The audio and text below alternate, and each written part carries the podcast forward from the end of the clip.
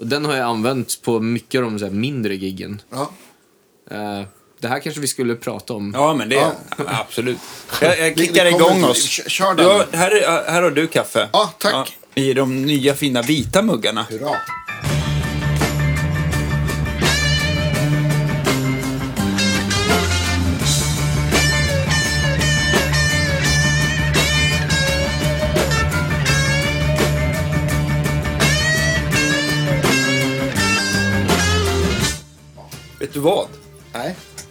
Fem år idag.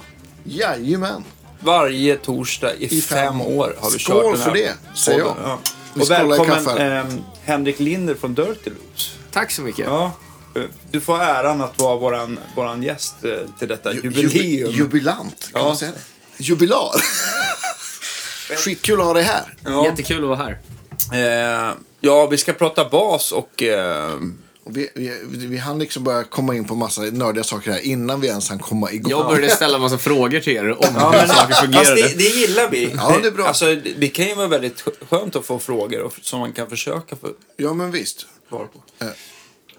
Sen så är det ju inte alltid så här, ba- basfrågor har man inte provat när det kommer till effekter och sånt där lika mycket som gitarreffekter. Men lite koll har vi i alla fall. Ni har säkert mer koll än vad jag har på det. Men du kör, vi, vi pratade om den här uh, Line 6 HX FX va? Ja, Och, och du kör den som, om istället för lösa pedaler, eller tillsammans med lösa tillsammans med pedaler. lösa pedaler ganska mycket. Att det, är så här, det är väl i stort sett att jag... Alltså, jag har väl olika setups, men den brukar jag använda för de lite mindre giggen när man inte orkar släppa med sig ett rack. För att jag kör ju en, en Axe 3 med Dirty Loops live.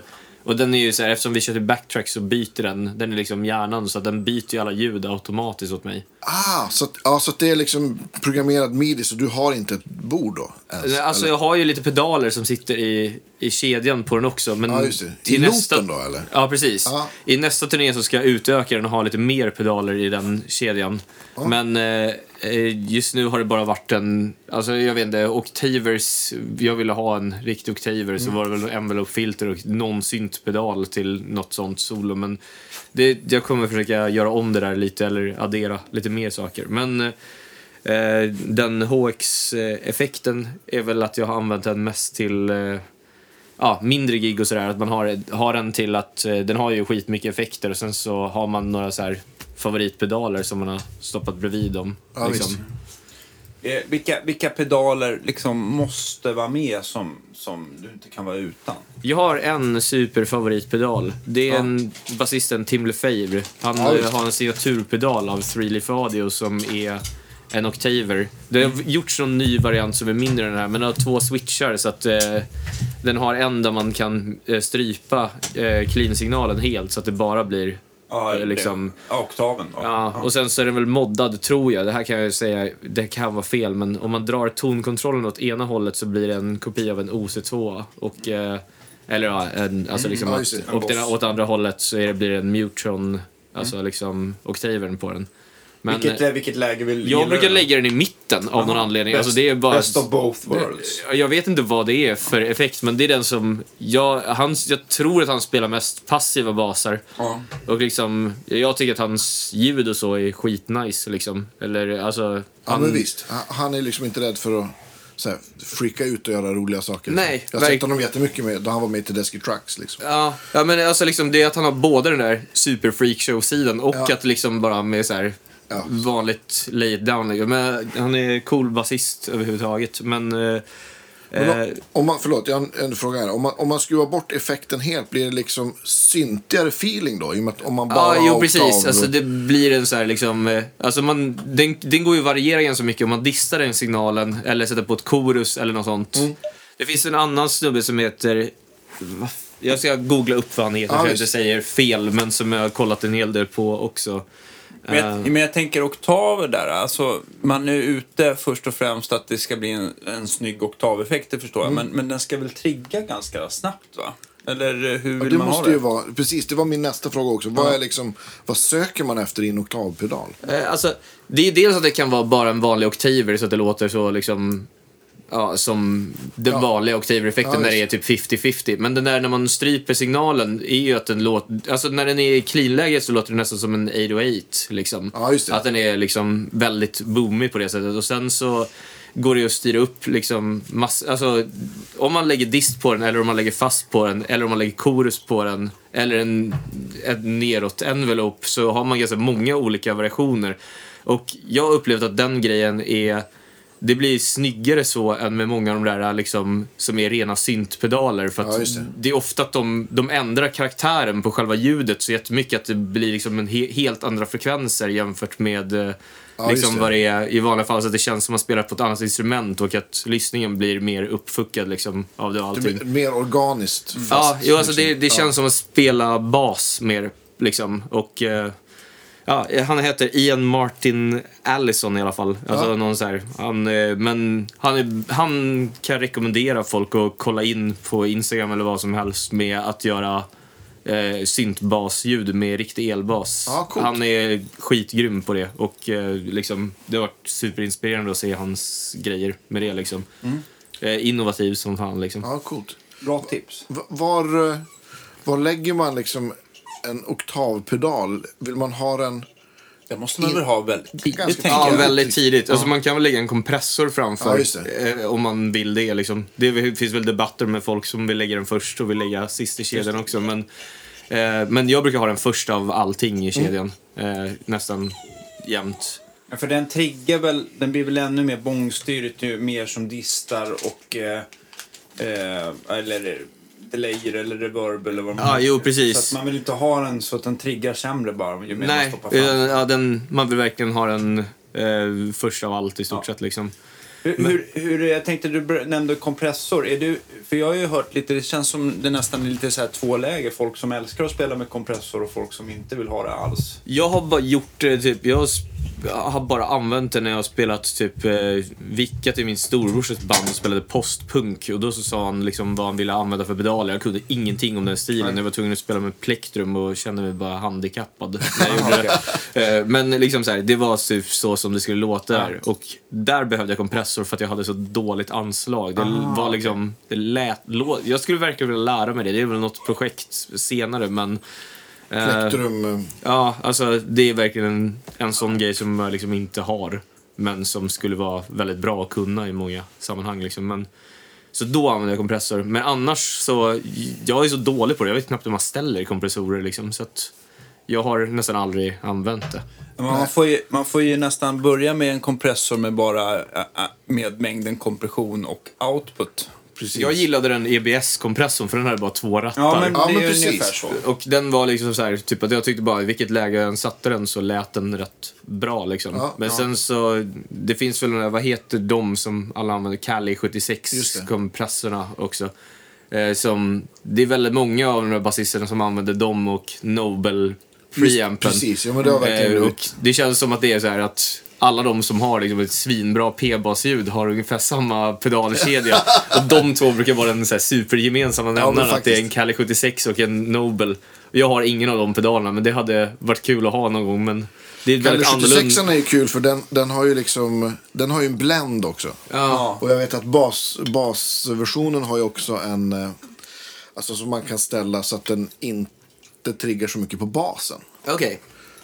Så, så man kan liksom göra, göra low cut liksom. Så man kan, kan få liksom att... Menar du som en slags eh, bandkompressor då? Att den Nej, tar utan bara... att den... den, den eh, ja, men vad heter det?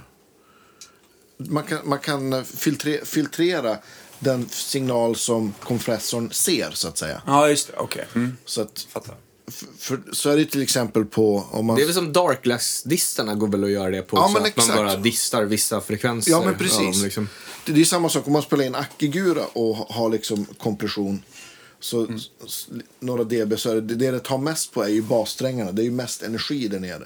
Mm, Så man kan, kan liksom skruva upp den så att den kanske tar från så här 200 eller någonting. Just det, Så just det. man, Och jag kan tänka mig också, just när det kommer till ackgitarr där det är problem med massa feedback så kanske det inte är så bra. För att en kompressor den trycker ju ner attacken Ja, som en limiter. Sen så lyfter den ju upp det som är svagt och förstärker den upp Precis. låga frekvenser och att de blir mera benägna för rundgång så blir det väl kanske ännu jobbigare som Acke-spelare, tänker jag. Jag har aldrig kört det live har jag liksom inte. Men, men när jag spelar in så tycker jag att det, det kan vara skönt att spela in med någon DB. Vi, bara, vi gör alltid så här, vi spårar vi ut spårar alltid. Men jag tänker alltså, kompression. alltså kompression gör ju det. Men det som, det som, det som är fiffigt med den här Blend, jag, jag råkar se att jag hade en One Control Ja. Pale Blue kompressor som också har den här Blend-funktionen. Ehm, och det är att, att som jag som gitarrist, jag tycker att det kan vara rätt schysst att man har den här transienten som den inte hugger av, men man får lite hjälp av kompressorn. Mm. Ja, men att den exakt. liksom, den, den liksom, så man kan få lite så här härlig sustain. Men, eh, men, eh, och då kan man liksom behålla kakan och äta upp den.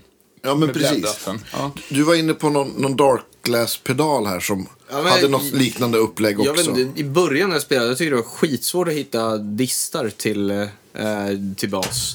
För att jag tyckte att det var alltid att det försvann botten i väldigt många av de som var basdistar också när jag var Ja, visst, mindre. håller med. Ja, och eh. Darkless-grejen var liksom när man ställde den rakt och sen satte på den så var det samma volym och samma basfrekvenser. Alltså liksom, Ja, just det. jag använder den där vintage overdriven som de har. Okej. Och, eh, för, eller jag vet inte, de andra är lite så här för high-gainiga för det jag gör. De låter skitbra med när folk kör metal med dem och sådär tycker jag. Men, och, eh, men det känns som att, jag vet inte, de senaste tio åren eller något där så har det hänt mycket med att det finns mycket mer att välja mellan i baslistor än vad det fanns innan. Absolut. Det, det har ju kommit så enormt mycket alltså, märken och byggare överhuvudtaget. Det har ju formligen exploderat liksom, på både alltså, bas och gitarrfronten. Men jag, alltså, jag, jag håller med dig. Jag gillar ju när det, liksom, det nästan låter som när man styr över en, en, en med, kopplar in en bas i en rörförstärkare. Att man känner bara ju högre man spelar desto mer distar toppen. Men det blir ju alldeles för starkt oftast. Men, men, eh, men många distpedaler till bas de brukar ju bli sådär att de, de är ganska rena i basområdet och så dist, sen så känns det så här skiktat också så att det är bara den övre, alltså övertonerna som är distade. Eller nu har vi en Joyce här som är väldigt, jag vet inte. du får lägga det. Ja, men i alla fall, så att jag, eh, jag, eh, men jag tänkte bara om det fanns någon idé om att man inte vill att den här lågbasen ska dista för att det ska spara på ljudteknikens PA.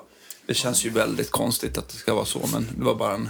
Alltså, det största grejen med den är att eh, det är ofta när, den- när man distar den rikt, riktigt låga frekvenserna så blir det ofetare. Liksom att själva Ja, det försvinner definition i attacking. Eller så har jag upplevt det. Det kanske inte andra har. Det kanske går att gaina eller något sånt där. Jag är inte bra på att dista på det sättet, men det är det jag upplevt med distpedaler innan. Att det är så här, man har ett fett ljud och så är det nästan som att det blir, även fast volymen blir starkare så känns det svagare har det gjort många gånger Ja, innan. men det blir ju, det blir ju, transienterna kapas ju av. Det är ju det, det, är det som är dist egentligen. Liksom, om man ska vara... Det är en form av kompressor det Ja, men precis. Så att det blir ju en annan attack. Så att det det är därför många har så man kan ja, men blända eller... Och jag tror också att det är svårare att få till en bra snygg dist i botten än vad det är högre upp. Det är min teori i alla fall på basdistar. Jag vet inte riktigt vad jag har... Jag vet inte om det finns någon sån grej med... Det finns ju någon blend i den andra också, men... Jag har, den är, har varit ganska, det är inte så många rattar på den utan det är mer att man bara vridit på det tills man har hittat någon sweet spot och sen så har man kört på det i stort sett. Men den här blenden, det är väl just det på en sån, då är det väl mer att man bländar in den rena Ja, signalen. ja, precis. Men brukar du göra det eller brukar du ha Ja, bara full... Nej, jag brukar ha lite av den rena signalen Ja. också. Och det beror på hur aggressivt man vill gå med den också. Ja, jag liksom. fattar. Jag fattar. Så. Ja, det är väl bara att det där ska blända sig snyggt. Jag tycker så här, jag tycker många pedaler, typ Boss O, deras bas over där, den blandas väl inte så snyggt. Men det är. Ja, dålig koll. Eh, en favorit jag har, jag vet inte om du har provat den, det är ju, Björn gjorde ju en som heter Blueberry Bass Overdrive. just det. Den är den, jag har aldrig prövat den, men det är den som vi vet att alla spelade, eller väldigt många spelade på innan. Alltså jag hade det. någon polares farsa som sa den här ska du ha. Och sen så, då gick jag väl på gymnasiet fortfarande och eh, tyckte att den var dyr. Eller något Ja, sånt där. men- Alltså liksom, Ja, Det- Den var inte så dyr, men den var dyrare än en Boss ja Overdrive. men precis. liksom. Nej, men man, den, den blir dyr. Sen så, sen så jag tänker att när Björn sitter och gör han, de här kretskorten, det är inte någonting han har beställt någonstans ifrån. Utan där sitter han ju liksom, han har en, han har en så här koppar eh, kretskortsplatta och så står han och så här och med, målar alla, lö, alla, alla banor för hand. Mm. Och sen så eh, etsar han ju bort det. Så att det är så här ett jävla tidskrävande för han att, eh, för att få till det där helt enkelt. Så det är inte så konstigt att de, att de springer iväg lite grann. Sen Nej, väljer han väl fina grejer i den också givetvis. Precis, jag tror att det är mycket till tiden som gör att det blir Ja, dyrt. Allt som är handbyggt är ju så. Ja. Men eh, den låter väldigt bra. Jag tycker att den, hans, om man får, ska man ha den som heter Blueberry så tycker jag att den låter bättre än den från motsvarande från från eh, Mad Professor. Mad Ja, Professor. visst. Men jag vet inte, gjorde du inte One Control än? One eller? Control har gjort det nu. Den, ty- den tycker jag är jättebra. Och, Men och, den, låter, den ska väl vara ganska spot on? ja, men det ska den. För alltså Jonas Anroth som spelar bas i, i mitt band, han, Ja. han har typ serie nummer ett. Så jag tror att Björn fick låna den då han skulle liksom bygga den här One Controller. Så att, ja. Så, men den tror jag, den tror jag finns jag märker att jag har lite att lära om distar fortfarande. Ja, men det är, det är inte så ofta vi får chansen att liksom ehm, sjunga ut om baslistor. Nej, så här. Nej, det var på tiden. Typ. Hur- Vad, vad händer, jag började fråga direkt vi såg så här, vad händer annars med eh, ja, men i Dirty Loops-läget? Håller ni på med något nytt? Ja, vi håller på att spela in just nu. Och, Ja. eh, eller vi släppte ju den där skivan med Cory Wong. Men Ja, nu har och vi det ska vi prata om. Ja.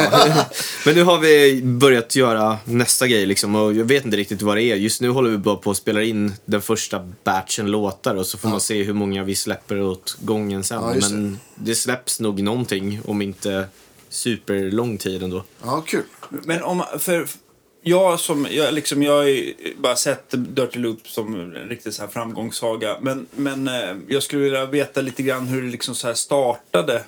Eh, Ja.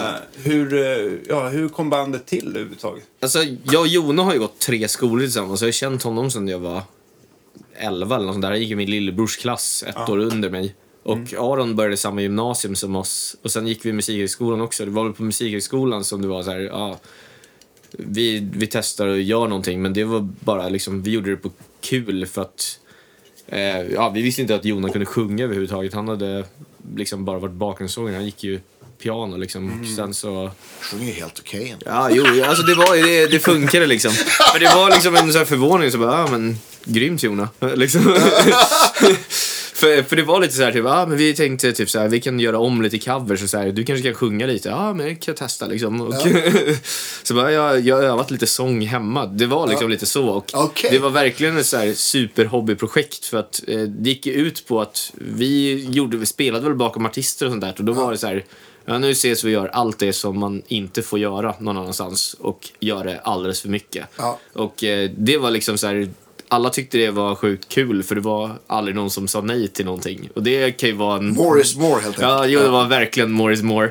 Och eh, den grejen är ju så här, det funkar ju verkligen inte i alla sammanhang, men när det var tre som ville göra det samtidigt på så här samma sätt så blev det väl en bra grej. Så vi sågs liksom väldigt ofta. Vi hade väl så tre covers liksom på de där första repen. Och Hur kom här- ni fram till så här, den här börjar vi med? men Jona kom med några ackord på någon låt och sen så efter det så gjorde vi någonting av det. Liksom att han hade gjort... Tillsammans typ eller? Ja, i början var det väldigt mycket så här, han kom ofta med något skelett till liksom så här, Ja. ja. men här har jag, gjort- jag har gjort om de här ackorden eller liksom den här viben och sen så gjorde man eh, gjorde man klart det liksom i replokalen och då hade vi väl en fem låtar som vi sågs en eller två gånger i veckan och spelade tillsammans. Bara, alltså, vi hade ingen plan på att göra någonting, det var bara kul att spela det där tillsammans. Vi ville inte göra gig med det heller liksom, eller något sånt där.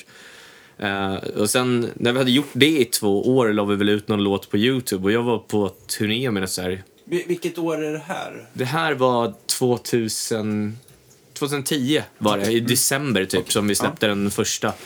Eh, så band, eller vi började väl med Dirty Lips 2008, men de första eh, två åren var väl, alltså liksom, vi hade spelat in några grejer också liksom, så här, alltså vi gjorde saker, det var lite på kul, men det var ju så här, det, det kunde börja någon inspelning så tog det ett halvår liksom, innan den blev klar för att folk gjorde andra saker och inte prioriterade. Alltså det var verkligen så liksom ja, hobbyprojekt liksom. Ja men då släpptes den där i alla fall och eh, jag var på turné med något annat band, något rockband liksom. Och eh, så ringde de och bara, ja den här har, den har fått 2000 visningar på Youtube eller något där. Så bara, wow, hur gick det till? Vi hade ingen aning liksom, för att vi hade bara lagt upp den och Aron hade visat den för några polare.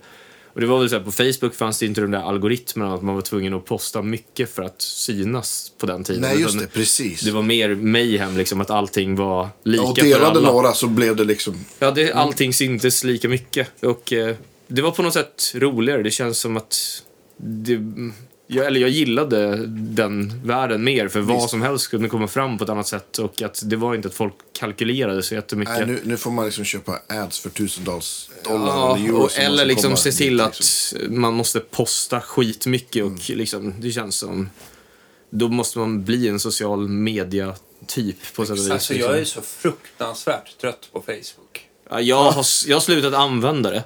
Ja, alltså, Ja, jag, jag lägger ut våra grejer och så om jag ska sälja något så är jag på Facebook. Men annars är det Jo, Instagram. men just så här, just så här för... eh, Ja, nej, vi kan prata om Facebook. Jag vill bara... Jag vill bara jag vet inte, jag gjorde ju den grejen att jag, när Dirtlips började hända så accepterade jag alla. Mm. Så att jag, och då, sen så kom ju folk upp i den här feeden liksom, när folk hade sina idiotiska politiska åsikter Ja, som var visst. alltså, mer bara att skrika ut saker i caps. Och jag blev till slut bara ledsen av att gå in på det. Så jag bara, "Ja, men jag måste ta bort det här för att jag liksom... Jag blev trött på vad folk sa på det och att visst. det alltid var bara så här att Ja, men det kändes som att det var en så här förnedringskultur. Att folk bara skulle skrika åt varandra att de var dumma i huvudet. Och liksom, visst. Det, var, det var jävligt segt att se. Liksom. Mm. Så att jag, jag blev gladare när jag inte var inne och kollade på det. Liksom. Och, och det är också så här, jag har, har gjort det liksom, nu ska vi inte prata om, om politik eller Facebook hela dagen, men jag har liksom bankat huvudet i väggen och försökt argumentera med folk som har andra åsikter. Och eh, det bara, man blir bara sjukt frustrerad och ledsen över vissa människors liksom, inställning till saker. Och då, då, så jag, min, min tjej sa bara så här, men fan, lägg, skit i det där. Det är bara, det är bara en stor energitjuv. Bara, du kommer ändå aldrig ändra de här människornas åsikt. Så bara lä, lägg ner det. Så att jag har liksom lagt ner det också. Men det är, det är en konstig grej med hela det där klimatet där också. För att folk skriver liksom grejer till varandra som man aldrig hade sagt. Eller Ja, det finns väl säkert några som hade gjort det, men liksom så här, det är väldigt få. Liksom. Och det känns också att den där grejen med att om vissa personer har, liksom, har en karisma och kan komma undan med att säga vansinniga saker på ett övertygande sätt i det verkliga livet. Men sen när det kommer över bara i skrift, fast de använder caps lock istället, så liksom, Precis. det faller inte liksom lika väl ut där. Nej, och, eh, ja, det blir mer bara tragiskt att se det. Men vi Liksom. diskuterade det här om dagen för, eh, om, en, en, om en gemensam bekant.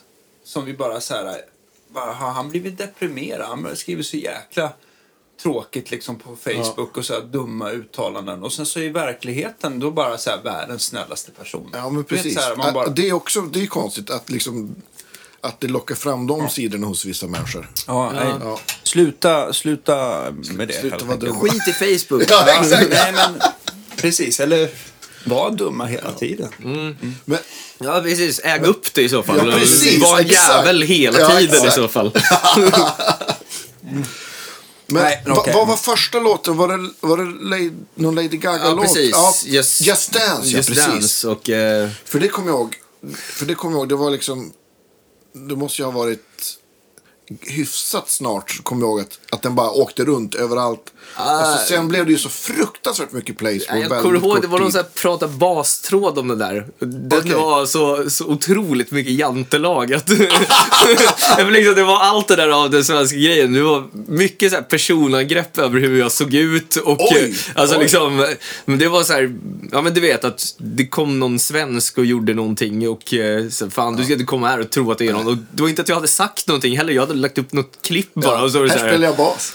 Ja, fan bra teknik men ingen jävla känsla här liksom.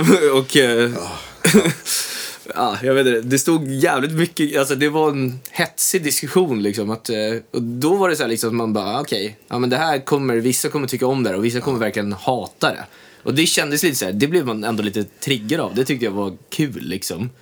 Ja, Över att det alltså- rörde upp lite. ja, men precis. ja, men det, det, är inte det ett, ett super så här, kvitto på att man har lyckats om folk blir irriterade på eller så här. Ja, eller stör sig så att mycket folk så att de börjar liksom, så här. vissa blev verkligen skitarga över det vi gjorde. Ja. Och det tyckte jag var kul ändå. Eller liksom just den där grejen är ju så, egentligen så oprovokativ. Det är bara Ja. folk som spelar för mycket liksom. Men det där, alltså det där är ju så jäkla tråkigt för jag tror att det är, en sån, det är ju inte alla som klarar av ett sånt bemötande. Nej, nej. Och då kanske men bara, precis. sen så provar de inte en andra gång liksom, Nej. fast det är svinbra. Men det var ju också så här, det var ju tvärtom också, att man fick ju väldigt mycket fin respons Ja, från ja, folk förstår. också. Ja, men vad bra. Men, men, men också tänker jag, jag tänker också att om man har, varit, om man har spelat ett gig och så kommer det folk fram efteråt och sen så räcker det ju bara att man inte är en där som kanske tycker att äh, det här var inte så kul eller att man hör det. Så är det det jag kommer ihåg ibland. Liksom. Jag tycker det är skitsvårt att borsta av sig trots att man har fått massa fint av Ja, ja, men det där Andra. är ju liksom... Ja, det Eller är det bara jag, Nej, kanske? nej, det stämmer verkligen. Ibland så är det typ, om man är i ett dåligt state of mind liksom, så Ja, visst. då blir det ju ofta att man läser de där kommentarerna så är det någon som har bara gått in för att säga någonting jävligt och det är det enda som sitter kvar liksom. Och att Ja. Det där, är- jag tror man får försöka öva på det där att liksom så här, att inte Ja, jag vet inte. Ibland gick jag in och kollade vad de där personerna, hur de lät själva och det var också ofta en så här, att det var kanske inte de som var... Det var inte de facit direkt. Nej. Nej, eh, alltså liksom, Nej, det var inte visst. de vassaste eh, knivarna i lådan som liksom...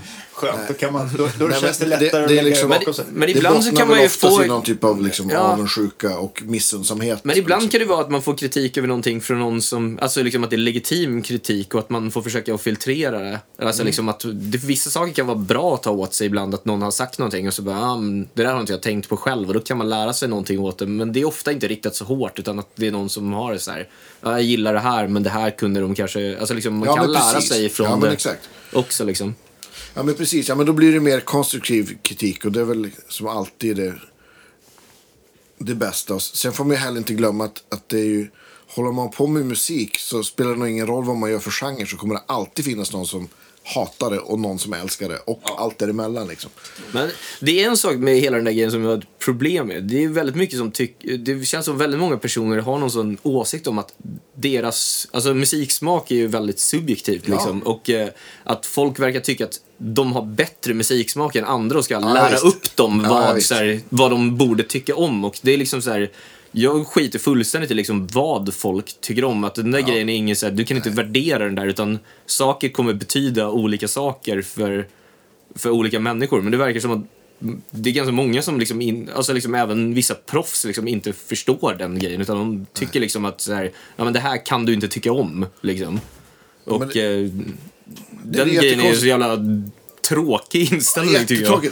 Om man, om man för över den på mat så blir, Ja, det, så blir det ju helt bananas. Så Ja, alltså, men- alltså Mamma Scans köttbullar är världens bästa, bästa mat. Du kan inte tycka något annat. Det skulle ju alla bara garva åt. Men det kan ju finnas någon som verkligen får den, så här, ja, den ultimata upplevelsen av det varje gång. Alltså, det kan ju vara konstigt liksom, men... Jag upplever nästan lite tvärtom. Alltså jag, jag har också ganska, inte så här jättebred musiksmak i alla fall, men gillar min grej sådär. Men jag kan ju bli sjukt imponerad av saker jag inte kan. Ja, ja. Alltså Ja. du vet så här bara shit så här, det, det där skulle man ju verkligen vilja, vilja eller man kan liksom se avundsjukt. Jag, jag såg eh, jazzgitarristen Erik Söderlind häromdagen. Ja visst, Du vet, man bara så här, ja det där kan inte jag. Nej.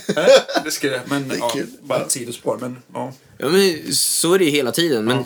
Jag tycker typ, för mig är det fortfarande, det finns någon sån här tudelad grej. Det finns ju när man hör folk som spelar skiten ur den, så det finns ju en del av en fortfarande som är så här, ja fan jag skulle vilja knäcka den här jävelns fingrar. men sen så är det jätteinspirerande fortfarande också på ett annat sätt liksom att eh, det, är går, det beror ju på vad man gör med den där, liksom den destruktiva känslan i det. Ja, att, Är eh, det, är det att man hela tiden är att själen är liksom två personer? Det gäller lite vilken, vilken, vilken av sidorna man matar liksom. Ja, kanske. Det som kanske kommer fram.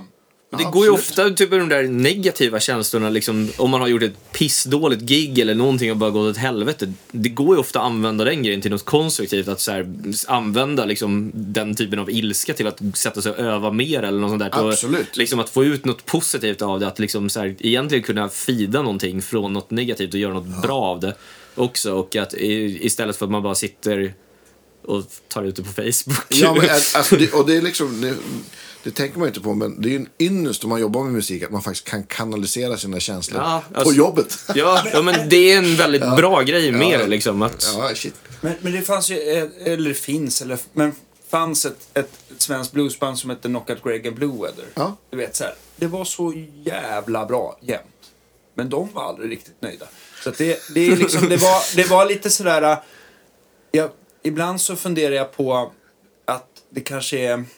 Att det är bra att man ändå känner, även om man inte är helt nöjd själv, att man känner att man ändå har den lägsta nivån som är så otroligt hög också.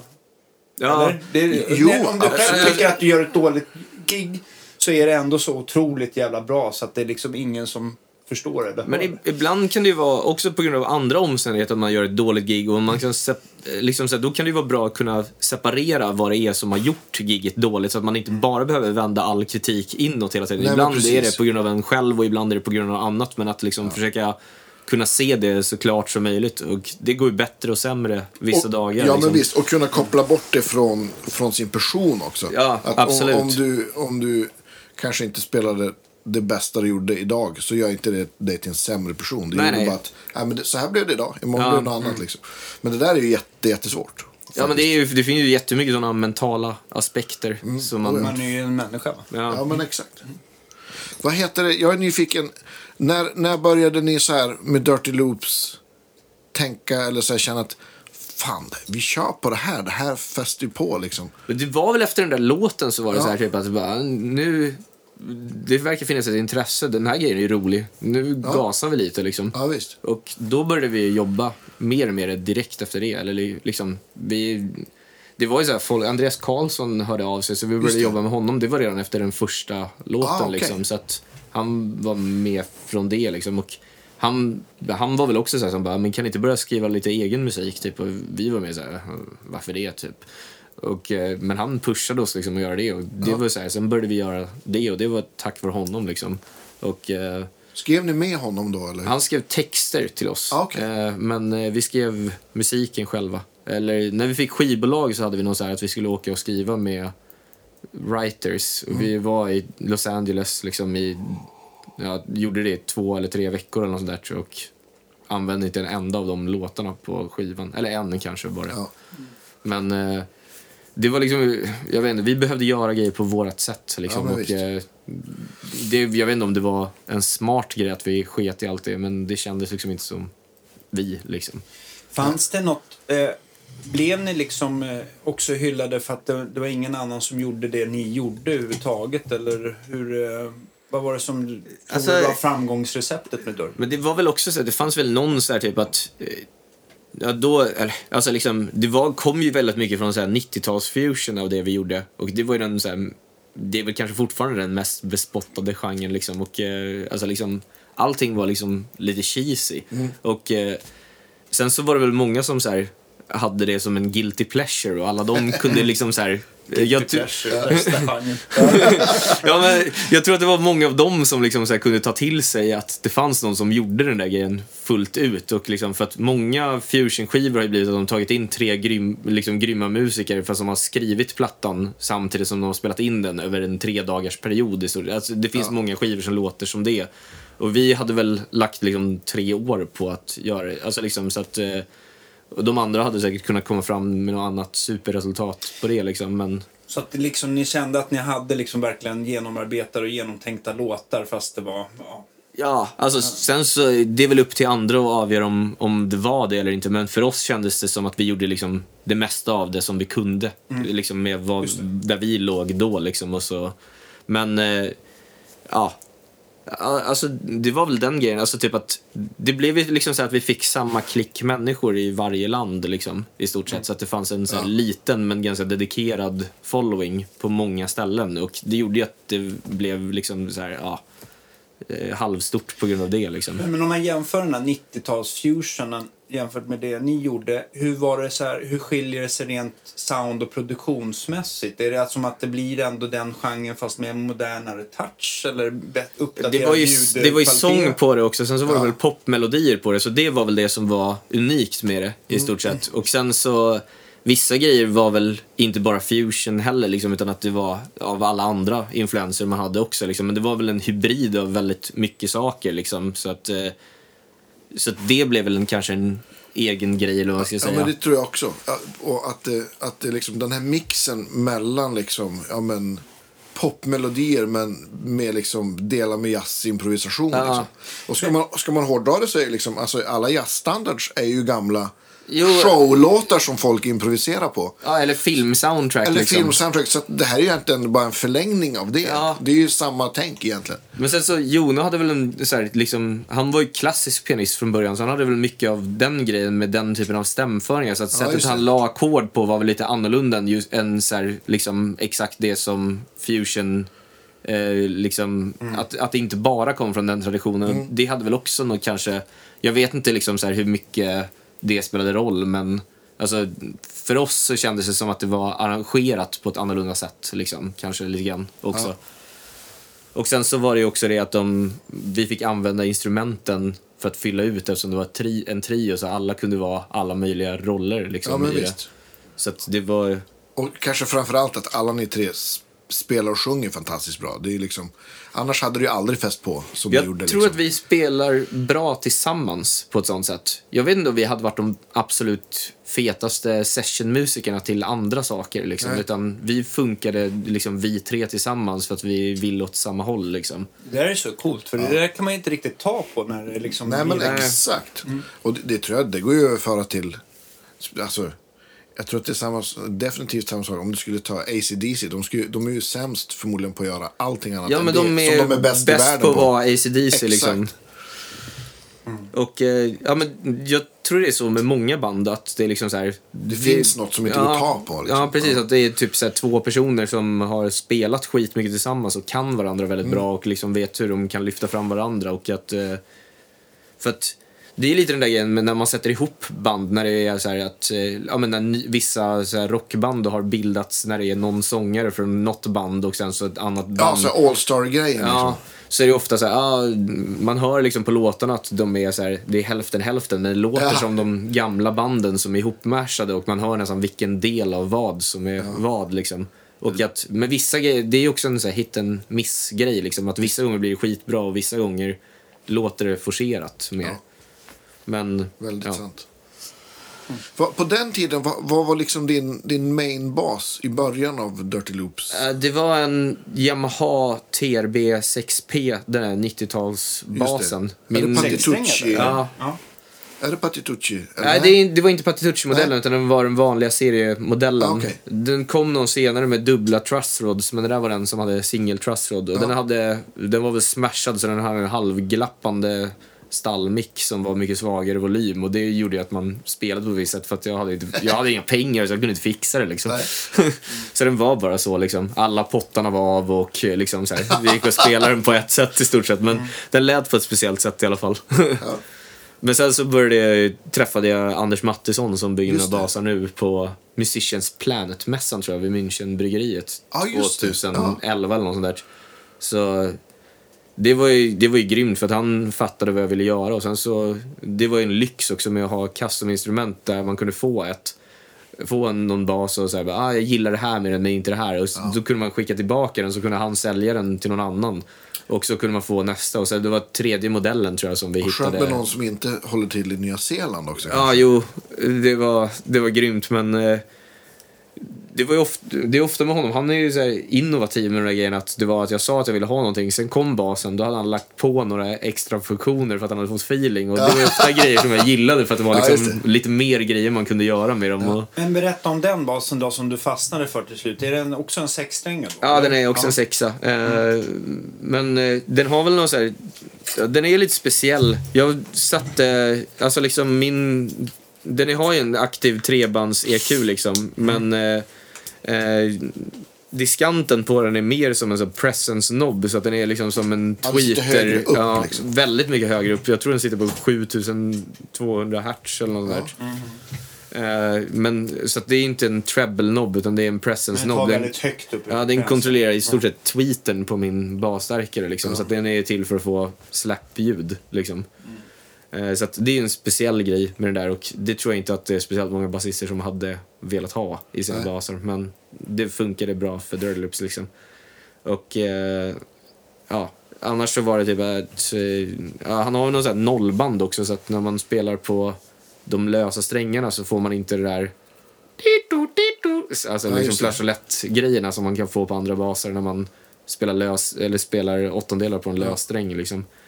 Men eh, ja, sen har han ju TT-band också. Just och det. eh, det var också bra med ackorden för att Ja, det var många av de gamla inspelningarna där jag stämde ackord för ackord och det tog skitlång tid att spela in. Och, ja. Jag vet inte. Men det var inget svårt att, eh, att, eh, att vänja sig vid TT-banden. Det var bara... Nej, det, det var typ därför jag gick med dem. Att det var ingen omställning överhuvudtaget. Mm. Det är så millimeterskillnad. Liksom. De ser bara konstiga ut, men det... Ja, det liksom- känns ju inte konstigt. Nej, det känns helt supernormalt. om man bortser från TT-banden, hur Efter har... någon öl så blir de raka. Exakt. Eller då blir de raka och krokiga, eller hur var det? Om man tar- från, från den första basen från, från Mattisson till, till nu, hur, vad, hur har de förändrats liksom? Den första var typ... eh, Den var en sån här fatboy-modell, så att den var liksom tjock, tjockare kropp på. Ja, Ja, och sen så, men det var mer att den var, jag tror det var, den var i päron eller något sånt där. Den hade en här lite rundare ton i som Mm. liksom... Ja, jag vet inte, den var inte så här perfekt. Det är den som jag spelade in Baby på, bland Ja, annat. Och, eh, och några andra. Hit Me tror jag spelade in på den också. Eh, men... Eh, alltså den lät liksom så här nice, men det var inte riktigt det ljudet jag ville ha. Och, Blev den för tung också? Den var ganska lätt den Okej. basen jag för mig. Den kanske var ihålig också, jag kommer inte ihåg riktigt. Eh, jag, är, så- sjukt dålig på det, jag vet inte ens vad, vad fan det är för trä i min bas nu. Eh, jag borde ju veta det. Jag har för mig att jag har ju ändå haft någon... Alltså jag vet att eh, Magnus Römmel har haft Ja, men han gör någon, ju mycket greppbrädesgrejer till honom va? Ja, han gör väl lite inlägg och sånt där. Ja. Eh, här. Men jag vet inte om din bas har varit inne i och för sig. Men... Ja, den är, jag vet att den har en Wenger-greppbräda i alla fall, den som jag spelar på nu. Eh, och sen så... Ja, jag har ingen aning om vad det är. I, Skönt ändå. jag Ja, tror att det är någon tänker jag. Purple Ja, Wood absolut. också i, greppbrädan, men det kan jag fel med. Ah, skitsamma, det här borde jag ju inte prata om än, så jag har ingen koll alls. Alltså, jag, jag kan inget om träslag så att... Är i alla fall Jag fick just det här med Det att det, fanns, att det fanns något som heter Purple Wood här just för att lära mig. Det låter ju fint. Ja, Det är det är en faktiskt... ganska ja. bra beskrivning av träet, för det är lila. Okej. Och är trä. Ja. Så Purple Wood. Eh, jag vet att eh, om man nu vill eh, experimentera och har eh, lite extra pengar så kan man ju beställa en strata-hals av alla de här träslagen från Warmouth och så. utvärdera själv. Ja. Säkert, ja. Ah. Eller telehals eller vad man nu vill ha för någonting. Men då kan man ju... Jag tror att det står ganska bokstavligen vad de olika träslagen ska ha för generella egenskaper. Egenskaper, just det. Känns som en riktig relationsdödare om man väljer att göra det istället för att åka på semester med... Jag, jag har köpt Det är inte 27 säkert. Jag tänker också att om man är glad så är man ju trevligare att umgås med. Ja, det är sant i och för sig. Ja. Tänk om man är på, åker på semester och inte fått göra de här grejerna och är sur hela tiden. Tänk om du bra. tar med dig 27 strattahalsar. I och för sig, den andra kanske inte, den man är med kanske är intresserad av det också, så det Ja, kanske men är typ det precis, bästa som, är- någonsin. som ändå vill ligga och trycka på playan och man själv Ja. vill sitta där under parasollet och skruva lite. Men, vad, vad- har du för... eh, har han någon, någon mickar som han har som preferred liksom? Eller, Eh, eller har du jag- kommit med förslag? Jag har på den där satt några EMG, men på de sen... jag har någon annan Frankenstein-bas som vi har byggt som är liksom att den har både J-mickar och P-mickar. De är Lundgren-mickar på. Eh, och Lundgren-mickarna gillar jag skitmycket. Ja, är grym. Jag, jag har ingen aning om varför jag gillar dem. Jag tycker bara att de låter skitbra. Och eh, liksom så här, det har blivit... Jag vet inte, när de satt på så var det, ja de här vill jag ha på de andra grejerna också liksom. Så jag bara tyckte de var bra. Jag Ja. vet inte varför. En sak som slog mig när man liksom pratar Lundgren, det är att de är ganska... Alltså, att de inte är extrema åt något håll. Jag tänker just på Just gitarr, jag har inte pratat basmickare, men just att det inte är så här med strattamickar eller handbackers, så att det är inte så här... Det är inga mickar som är så här extremt diskantiga och brilliga eller... Och inga som är dova åt andra så. Men, men liksom lite så här mitt eh, lagom, kan man säga Ja, när man drar upp, väl när man drar upp till skanten i dem så kan man få dem väldigt fräsiga ändå. Ja. Eh, Alltså liksom när de är aktiva. Eh, Alltså liksom på ett sånt sätt som jag vill ha. Och, eh, alltså jag har en aktiv passiv switch på, på dem liksom, och de Just det. låter bra i båda lägena. Liksom. Och, Måste du ha, är det spelar det en roll hur, eh, vilken skallängd du föredrar eller hur Alltså- många band eller? Eh, sexan är ju en 33 tum, så den är lite mindre. Ja. Eh, så att eh, den, eh, det är för att jag har små händer och inte kan spela på 34 Men eh, fyrorna och femmorna är vanliga, så de är 34 Så att för släppton så tycker jag, de spelar helst in på fyran och femman på de där. Så det är bara en vanlig Blir det bättre slappton med, med längre skallängd?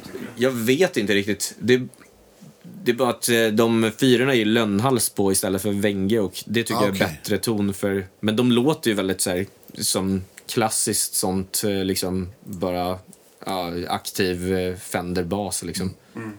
Eh, Men på något eget sätt liksom. För att kroppen är mer som en jazzbas. Jag har aldrig gillat P-halsarna för det är också med små händer. De är bredare så att Ja, jag visst. tycker det är jobbigt att spela där nere Men det är på just eh, strängspacingen då som, som är lättare med det Ja, de, mer- går, de blir Ja, smalare, av liksom. Och, eh, men det, är ju, det där är ju bara någon preferens. Liksom. Om, man, om jag hade börjat spela på en P-hals hade jag säkert varit van vid det. Liksom. Ja. Så att, eh, jag har någon sån teori över att eh, man på något sätt formas lite av det första instrumentet man har. Ja, men det tror jag. Alltså liksom att, eller i alla fall hur de känns, att man vill ha något liknande sen. Om man inte har spelat på något annat jättelänge. Men för mig var det så i alla fall. Då måste jag köpa en hockeyklubba igen. Det tycker jag. Ja, Vadå, hade du någon sån Charvel? Ja. Ja, ja grymt. första gitarren. Ja, men det. Jag blir alltid glad när jag ser dem där. Det ska gärna vara någon så här krackelerad färg med... eh, Ja, Ja, Du ser, du ska inte köpa 27 Stratahalser, du ska köpa en Charvel. ja, med Purplewood. Ja. Eller så ska du bara köpa 27 Charvel-halsar till dina teler. Telers. Exakt så. Nej, men jag, jag, nej, jag älskar när folk kommer in med det. Så att alla, alla som har det där får, får Charvel-rabatten som jag har. Ja. Eller Jackson. nej, men jag, jag är med. Det finns ju många, det finns ju många trevliga eh, så här 80-90-talsmärken som Kramer och ESP och Ibanez och så Ja, vidare. det. men men jag, ja, det är någon förkärlek för gamla Charvels. Du hade Och- en sån. Ja. Vad, var din första bas? Eh, Det var en Ibanez eh, Fender-kopia. Alltså 70-tals Ibanez. Ja. Japansk. Som hade en stallmix som satt alldeles för nära stallet. Så det var så otroligt knorrigt ljud när man drog på den. Just det. Men det var en PJ-bas liksom. Ja, Och det. eh, jag tror mitt ideal med ljud alltid har varit jazzbasar. För den där grejen liksom.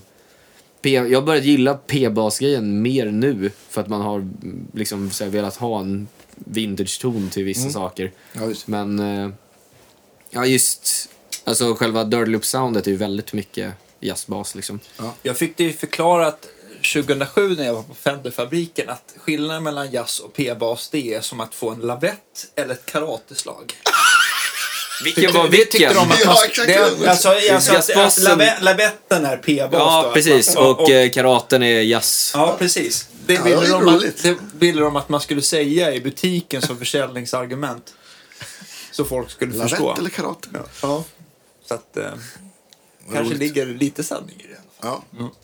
Men det, alltså, det är ju en enorm skillnad med jazzmickar och P-mickar när man spelar med gitarrister också. Att jag tycker att jazzmickar ofta går igenom bättre med keyboardister med frekvenser medan eh, de kan verkligen med gitarrister Speciellt om det är att, man, att det är någon som spelar med ett så vintage gitarrljud att det verkligen kan bli en, ja, inte så pleasant ja, men att de kanske tar ut varandra lite. Eller de, Eller Det är väl också om man har vridit upp diskanten i dem kanske. Men, eh, alltså liksom, men P-basar är något så här, typ att det brukar funka bra med, med gitarrister, tycker Men jag kan jag. tänka mig just ett släpljud att jazzmicken ändå, den är väl lite, man upplever den som lite poppigare och snabbare på något sätt sådär. Och den andra är tjockare och... ja. Men det är, det är väl också så här, det, är så här, det finns väl den där Max Martin-slappen, eller Just som det. finns på massa sådana med att det bara ligger en pop på typ trean eller, eller på Ja, tvåan. Bunkat. De är ju nästan alltid P-bas liksom. Mm.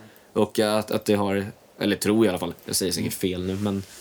Eh, och eh, det har ju en så här, det har ett ljud med liksom och, Ja. som är nice i vissa. Det, är men, ju, det är ju Blindberg som spelar på alla de där. ja, Undrar om det inte är jazzbas. ja, det är det och, säkert. Och så hade han någon sån här, någon sån här Dodd preamp. Det var liksom det enda han använde. Jaha. Vi pratade Ja, om det här då, någon då hade jag fel i alla fall. Ja, Fan, nej, han, också. han har säkert både jazz och P. Det bara han hade, sist vi spelade hade han jazz. Han skulle vi kunna, det vore kul att prata med honom. Han spelar ju bas på alla vi de där kan, grejerna. kan, ja, men då kanske vi kan eh, liksom... eh, vi tar Ja, det då. ta det. Ja, Jag tar in honom, för jag vill Ja. veta också. Ja, ja, men det, ja men... Du har förmodligen rätt. Om du tycker att det låter som en p-bas så är det ju förmodligen Jag det. vet inte hur det är med de gamla Cheiron-grejerna, men det finns några så här Katy Perry-låtar som är nya som jag Ja. låt, det låter väldigt mycket p-bas för Ja, mig. ja, men det tror jag nog att det är. Eh, men eh, jag är inte säker på de, vad är De det, tidiga. så här, Baby One More Time Ja, och sånt. Det kan nog vara jazzbas. Äh, fan, jag har ingen koll. Jag vet i alla fall att han hade... Det, det roliga att han, han hade liksom en pedal. Så det var liksom den, och den var han tvungen att ha med för den var liksom... Då tyckte de att det lät som det skulle. På tal om, om ljud, vi var ju lite, lite grann inne på det förut med, med effekter och prylar. Och hur, I dagsläget då, då du spelar in bas, vad har du för signalkedja då? Jag har den billigaste EVS-toppen, en Reidmar. Ja. Alltså den svagaste av dem, Just det. in i ett ljudkort. Ja. Som Så- linebox helt enkelt. Ja, den sätter någon den, ja. transistorn sätter någon karaktär som jag gillar på ljudet. Och sen så efter det så han som mixar, Simon Petrén, han lägger på jättemycket saker i den där kedjan som jag absolut inte har någon aning om. Men det som jag skickar till honom är väldigt simpelt. Just det. Det är att du behöver ett audiointerface, en dator och den där preampen. Och, Ja. Och sen någon bas som låter nice. Liksom. Ja. Men det är vad jag gör, så att det är sjukt icke-fancy. Och om du eh, måste ha en kombo eller topp och låda eller någonting live. Ja. Känns det som e EBS är liksom det som ligger närmast i smak då? Ja, alltså jag gillar den där nya, eh, vad heter den, 808 som de har gjort. Alltså det är någon starkare som kom för två år sedan tror jag. Transistor också eller? Ja, det, jag tror att den har rör i sig också. Det finns väl något Ja, sånt litet kanske. rörsteg som man kan koppla på. Jag vet inte, den är, jag gillade den mer än, jag gillade den TD 660 också, men den här var en uppgradering från den. Den känns rappare på något sätt. Jag vet inte. Eh, men eh, till, alltså det beror på också med, så här, med ljud, eh, liksom så här, vad det är för grej jag spelar med. Men med Dirty Loops, absolut. Alltså det, det finns inte någon starkare som jag skulle vilja ha heller än den. Ja, precis. För du vill ju inte, du vill inte gå åt det här soundet som en Nej, gammal SVT. Classic-topp Ja, från det är 72 fel som jag har. för det liksom. Men eh, jag tycker de där är skit, eller SVT är jättenice till andra saker. Mm. Liksom. Men, eh, ja. Till Dirty Loops är att de är lite för höga i basen och lite för låga i diskanten. Så jag vill ha Just det, det. Ja, tvärtom. Men det är, det är ju just det att, så här, att de ska brottas med en korgsynt. Så att då vill Ja, man just ha något som liksom... Ja, men du har ju liksom register, om man tänker utifrån en fyrsträngad bas så har du ju både mer botten och mer diskant. Så Ja. då kan jag förstå att du vill... Men jag brukar ställa den helt rakt alltid. Ja. Och sen så typ eh, basfrekvenserna, den är se- 60 hertz på basen så jag baseboostar den lite i preampen på basen. Ja, just det. Alltså, Så att all, det. det är egentligen att trebands-EQn på den, att jag har dragit upp lite på allt på den. Ja, alltså lite mid, lite presence eller vad det Mm. heter. Och lite bas. Och sen så efter det så ja, ligger den i single coil-läge i stort sett. Ja, okej. Så det är vad jag brukar göra med det live. Men, men då, du, då du trackar saker till Dirty Loops så det är inga effekter innan alls? Ibland är det det på solon och sånt där, men Ja. det är typ ofta att det är något konstigt som ska vara till just den låten Ja, och då det. man experimentera. Men det är inte någon så här, eh, alltså liksom, det kan vara någon oktaver ibland, så jag hade whammy på någon låt liksom. Ja, men annars är det, det är väldigt cleant liksom. Och sen så, det är ofta att typ, ett, om det är chorus eller något sånt där på sen så är det att Simon har lagt på det efteråt liksom i dator. Ja, Det låter ju alltid jätte, jättebra. Men det finns ett trick jag gör med det däremot. Det är att som är skitjobbigt och det finns säkert ett mycket smartare sätt att göra det på det. Men Simon vill alltid att jag ska dubba upp basen, att skriva in den i midi. Ja. Så jag måste sitta och kolla liksom så här, alltså liksom alla grejer som har spelat otajt måste jag sitta och lägga in slagen i midi för hand. Just det. Genom hela För att skiten. kunna lägga någon typ sinusbas eller något. Ja, eller precis. Att, eller något. eh, speciellt på Slap är det ofta att vi har lagt någonting för att få upp, boosta upp basfrekvenserna så Ja, att det det inte blir för tunt. Liksom. Men eh, det är överlag att han vill ha den kontrollen alltid. Det, det kunna var göra min nästa fråga, så det är kul. men, men, kör, använder du Logic eller vad använder du för? Eh, jag använder Cubase. Du använder Cubase. För att i Logic finns ju en väldigt bra sån audio to media. Du kan göra media av det mesta. Man måste ju ändå kolla Ja, igenom den. jag, jag antar att det finns någon sån på i Cubase också, att man Ja. kan trycka in Ja, den det så att den gör om det automatiskt. Men, eh, Nej, men jag förstår att du måste ju ändå gå igenom det ton för ton. Ja. Såklart. Men Men det är just det, så här, vissa saker hänger och vissa grejer har man så här, bara gillat filen och så ligger det lite fel och då så får man gå in och, ja, där är den. Kan, man, kan, man, kan du eh, så här, säga generellt om med timing sådär, om du gillar att ligga lite behind eller väldigt i pocket eller att du är lite drivande framåt? Alltså, eh, det beror ju också på liksom vad det är, men det, det är ganska sällan som jag ligger, försöker ligga tidigare än trummisen. Så det är ju mest bakom i så fall. Men det är ofta att jag med, eh, jag vet inte, det är ofta typ med offbeatsen som, man, som jag varierar mest med om de ligger längre bak med att ett, jag tycker att så här, ettorna och treorna är ofta nice om de ligger i alla fall till den genren. Liksom. I vissa andra grejer så är det kanske nice om allt är skithängigt. Liksom, så här, det beror på genre. Men, Visst. men det är just det när man övar hela den där grejen så tror jag att det är superviktigt att kunna spela mitt i först. För att det är många som missar den grejen att de har hört liksom voodoo eller något sånt där och bara Precis. jag vill göra som Pino men Pino kan verkligen spela mitt i när han vill det Exakt. också och, och då så kan de där hängslagen vara i, för, alltså de är i förhållande till att man har en stark koppling till vad, vad liksom fjärdedelarna är. och visst. eh, det är en viktig grej tror jag att göra om man vill hålla på med, eller om man vill ha det soundet liksom. Att det är väl att lära sig krypa innan man går liksom. Eller Bra. gå innan man springer heter det kanske.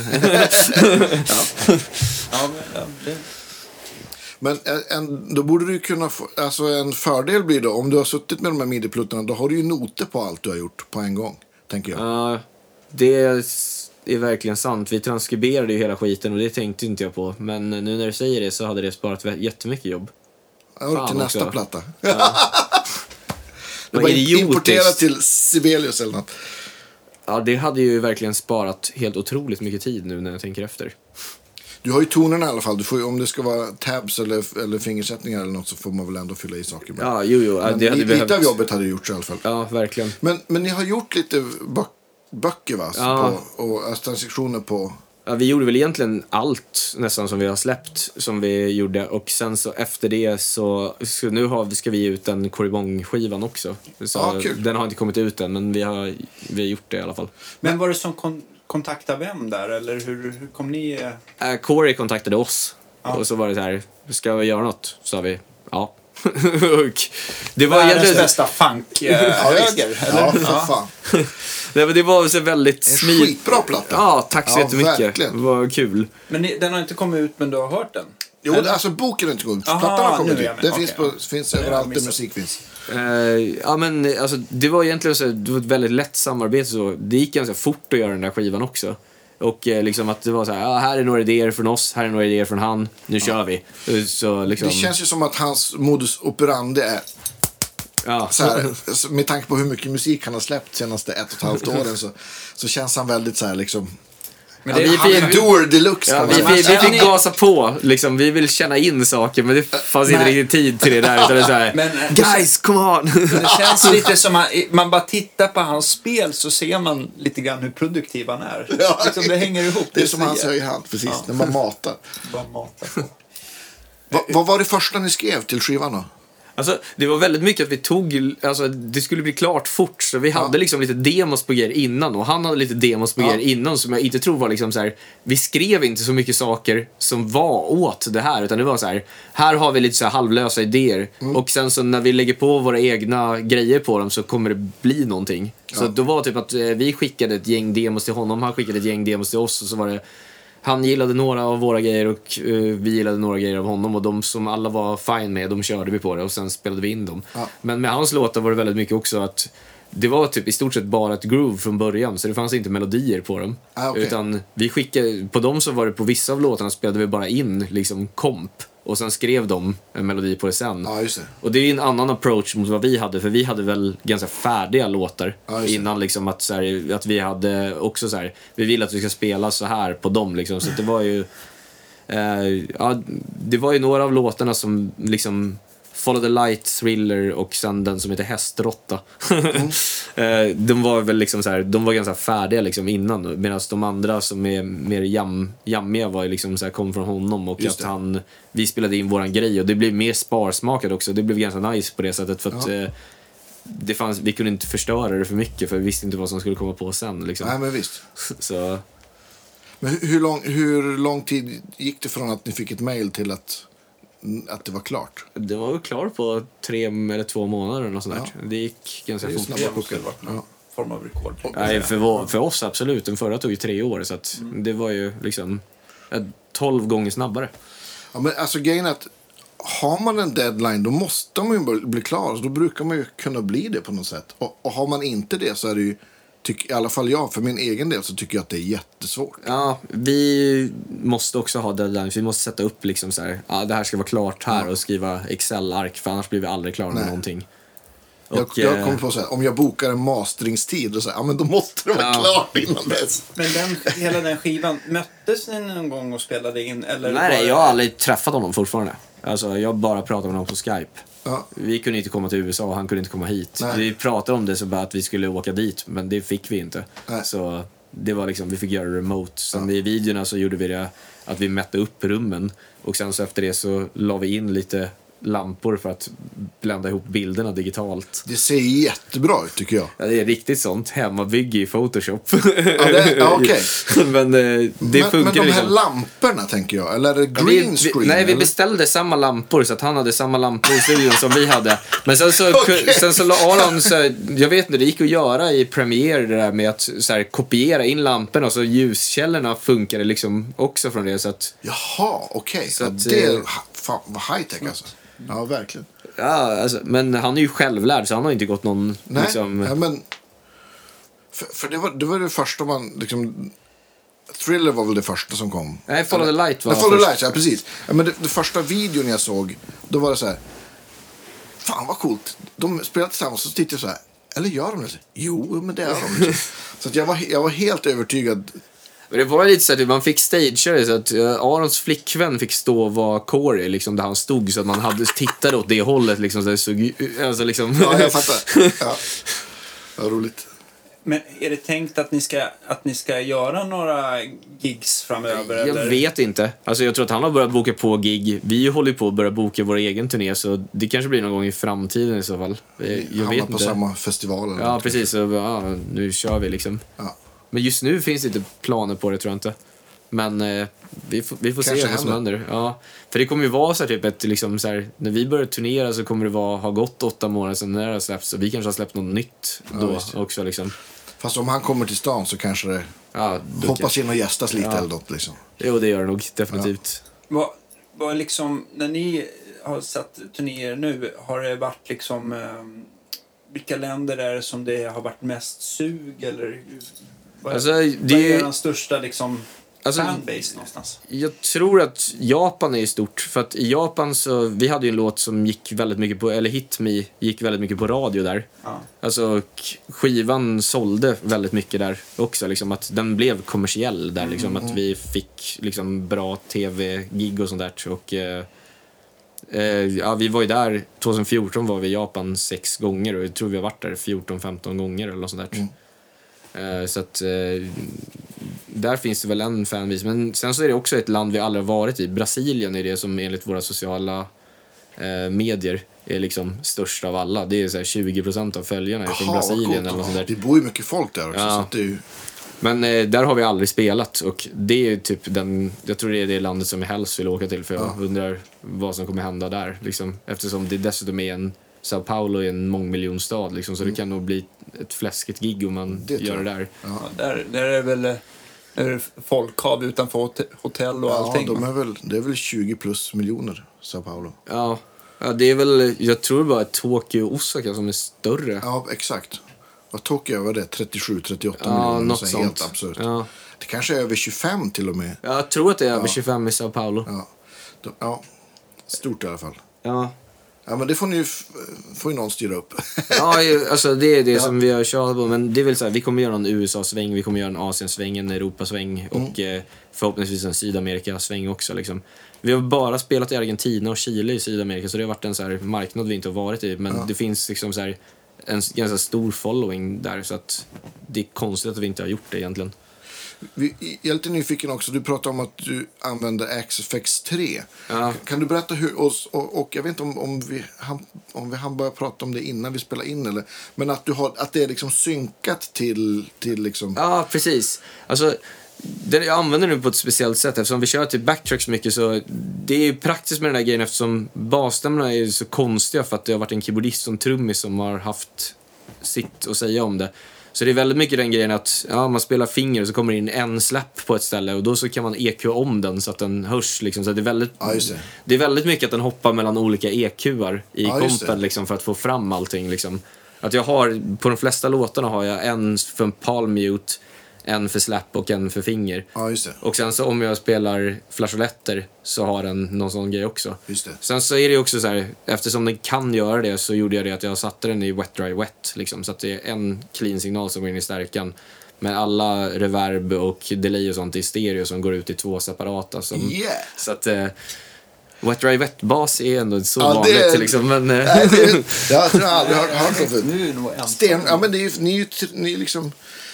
Du kan ju ta hur mycket plats du vill i och med att det inte finns Ja. någon gitarr eller sax eller liksom... Det Eller, måste ju vara helt underbart. Ja, det, det, det är Ja, det är fint. Man blir, man blir glad när de där uh, modulationseffekterna Ja, kommer på. alltså. Liksom, och, uh, eller liksom så här, överhuvudtaget att delayen är separerade. men liksom. är det, kör ni in eller? Ja, vi kör Ja. in. Så att det är liksom så här, det, man, man hör ju liksom när det går upp Ja, och visst. på i stereo. Liksom, men det är skönt att man har haft kontroll och kunnat ställa det där hur man har velat. Liksom. Men känner du också när du eh, någon gång ändå får spela med en gitarrist att bara, nej för fan, aldrig mer. Nej, nej, eh, verkligen inte. Det, det bara, men det är, det är ett annat sätt att spela för att det är att man tar en annan roll Ja, liksom, ja, med hela den grejen. Men eh, jag har gjort en del med så här, eh, jag gjorde någon turné med Jonathan Kreisberg och sen så spelade just jag några gig med en gitarrist som heter Tim Miller också. Ja, Och- kul. Eh, och eh, båda de är ju så här, liksom svin på det de gör, så det var ju herregud. sjukt lärorikt. Liksom. Båda var jävligt nicea snubbar också. Liksom, att, eh, Jonathan Kreisberg var också så här, alltså liksom ingen bullshit-snubbe. Det var på, vi skulle köra något intro, med, liksom så här, vi spelade någon standard fast i tre och han gjorde så, så här mäckiga rytmiska grejer så jag tappade bort ettan. Så jag pratade med honom så bara, ah, det här hände. Han bara, yeah I was really surprised that you fucked up. så bara, You should really know this. Och sen så var det liksom så här, att han, han sa det liksom så här, inte på, han sa det inte på ett drygt sätt utan det var så att han var förvånad över det och liksom att vi benade ut det. Sen så gav han mig liksom så här, "Ja, men du kan öva på det här och liksom, så Ja. kan du komma tillbaka Ja, och men han kanske... känns som så här stenhård så här, Ja men jag gillade New det. York-attityd på något vis. Jag tyckte typ att det var, det var så nice för att det var liksom när det hände någonting så var det inte att man smetade över det och liksom, utan jag ville veta vad jag kunde göra och Ja, han gav mig tips på det. kul. Sen kunde jag lära mig det liksom och så här, Va, vad var det för tips då? Blev jag nyfiken? Eh, nej, men han sa det, så bara, men du är förmodligen väldigt van vid att spela med trummisar som spelar starka downbeats och lyssna just på det. Och det var ju så här, typ att ja, jag måste lära mig att känna min egen klocka för att liksom, så här, jag, rea- eh, jag reagerade för mycket på skit som hände runt omkring och när det var saker jag inte förstod så, liksom, så gick jag på det istället. Ja, och eh, det var så här, alltså liksom, ja, det är det enda sättet att lära sig på är att liksom så här, ha de där felen. Liksom. Ja, likadant med Tim Miller, det första repet med det, det var ju att eh, det var någon sån, det var en Stefan Galan heter han, en belgisk trummis.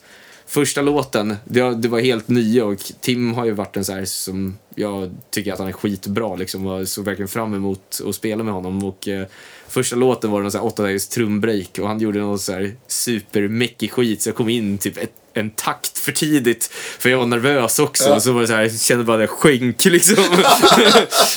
men de, de var liksom också skitcoola med det för jag frågade honom också så här, ah, men hur kan jag lära det Ja, här? visst. Och han gav mig också skitmycket tips liksom. De var pissnälla mot det men det var, jag kommer bara ihåg, det var de giggen, det var, vi spelade i Paris, de var, det var skitroliga gig liksom. Och eh, det var så väldigt bra stämning i det bandet. Han, Ja, kul. Tim har ju en så väldigt mjuk approach liksom. Men att eh, han, eh, ja, det var vid något ställe som den trummisen hade gjort någonting och jag tappade ettan där också så jag vände mig mot Tim och Tim stod bara också bara "Nej, ingen aning.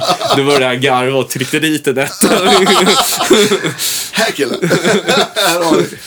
Men det var liksom så här, ja, det var skönt med hela den grejen att det är så här, ah, fan vissa grejer kan man och vissa grejer kan man inte och att det var prestigelöst på något sätt, att det var liksom fine. Men eh, ja, det hade ju blivit ett problem om det hade varit så konstant under giget liksom. Ja, ja. Men Har du, har du reverb Jag tänker på då du gör solon och grejer. Ibland har jag det. Ibland inte. I vissa kompgrejer när det är så här ackordgrejer som ligger högt upp har jag haft reverb.